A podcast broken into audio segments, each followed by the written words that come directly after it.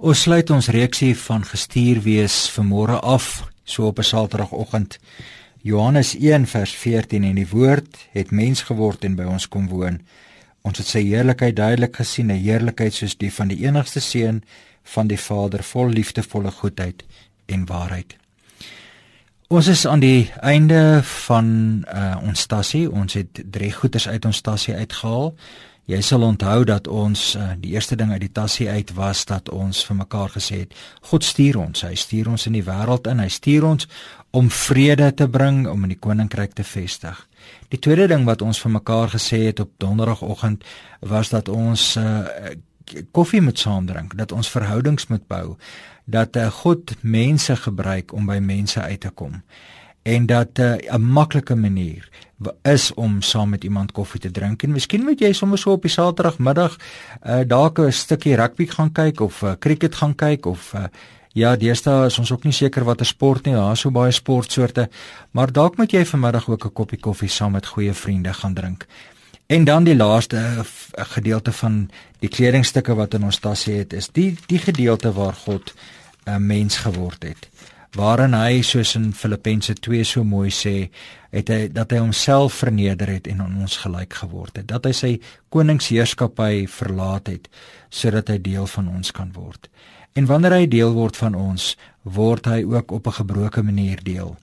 Hy deel in ons gebrokenheid, hy deel in ons seer. Hy is hier om juis daai gebrokenheid weer gesond te maak. Dink maar net aan die malaatses mense wat weggestoot is, mense wat nie meer 'n aanraking van ander mense gehad het nie, mense wat by wyse van ons voorbeelde nooit meer 'n koppie koffie kon drink want hulle kon ook nie die bekers vashou eers nie.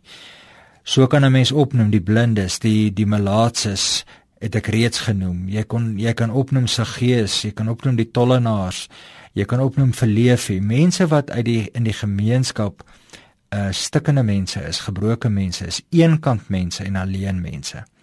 Dan kom Christus en wanneer hy mens word, dan word hy mens juis om hierdie gebrokenheid aan te spreek. Nou die lekkerte is natuurlik hy werk deur ons en ons weet mos nou ons is nie volmaak nie. So wanneer Christus met ons praat, wanneer Christus deur ons werk, dan wil hy eintlik ons in ons gebrokenheid gebruik om iemand anders in sy gebrokenheid aan te raak. Sodat daardie iemand anders dalk tot 'n stukkie heelheid kan kom, 'n stukkie aanvaarding, 'n stukkie gesondheid kan kom. En weet jy wat gebeur so baie keer wanneer jy jou maat of jou vriend of uh, die persoon oorkant jou help om heel te word en gesond te word, dan gebeur daar ook iets met jou. Dan is jy besig om 'n stukkie gesond te word. Dan is jy besig om na die wêreld en na die lewe op 'n ander manier te kyk. En dit maak ook die lewe die moeite werd.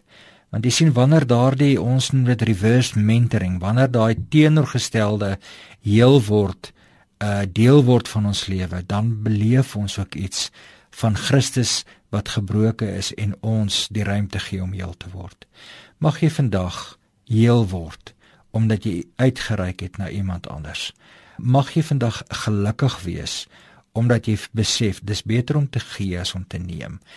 Mag jy vandag ja sommer gesondheid en krag beleef omdat jy weet dis beter om dood te gaan as wat dit is om te lewe want wanneer ons lewe dan moet ons soos Romeine sê leef tot eer van God, maar wanneer ons ook sterf, dan sterf ons tot eer van God.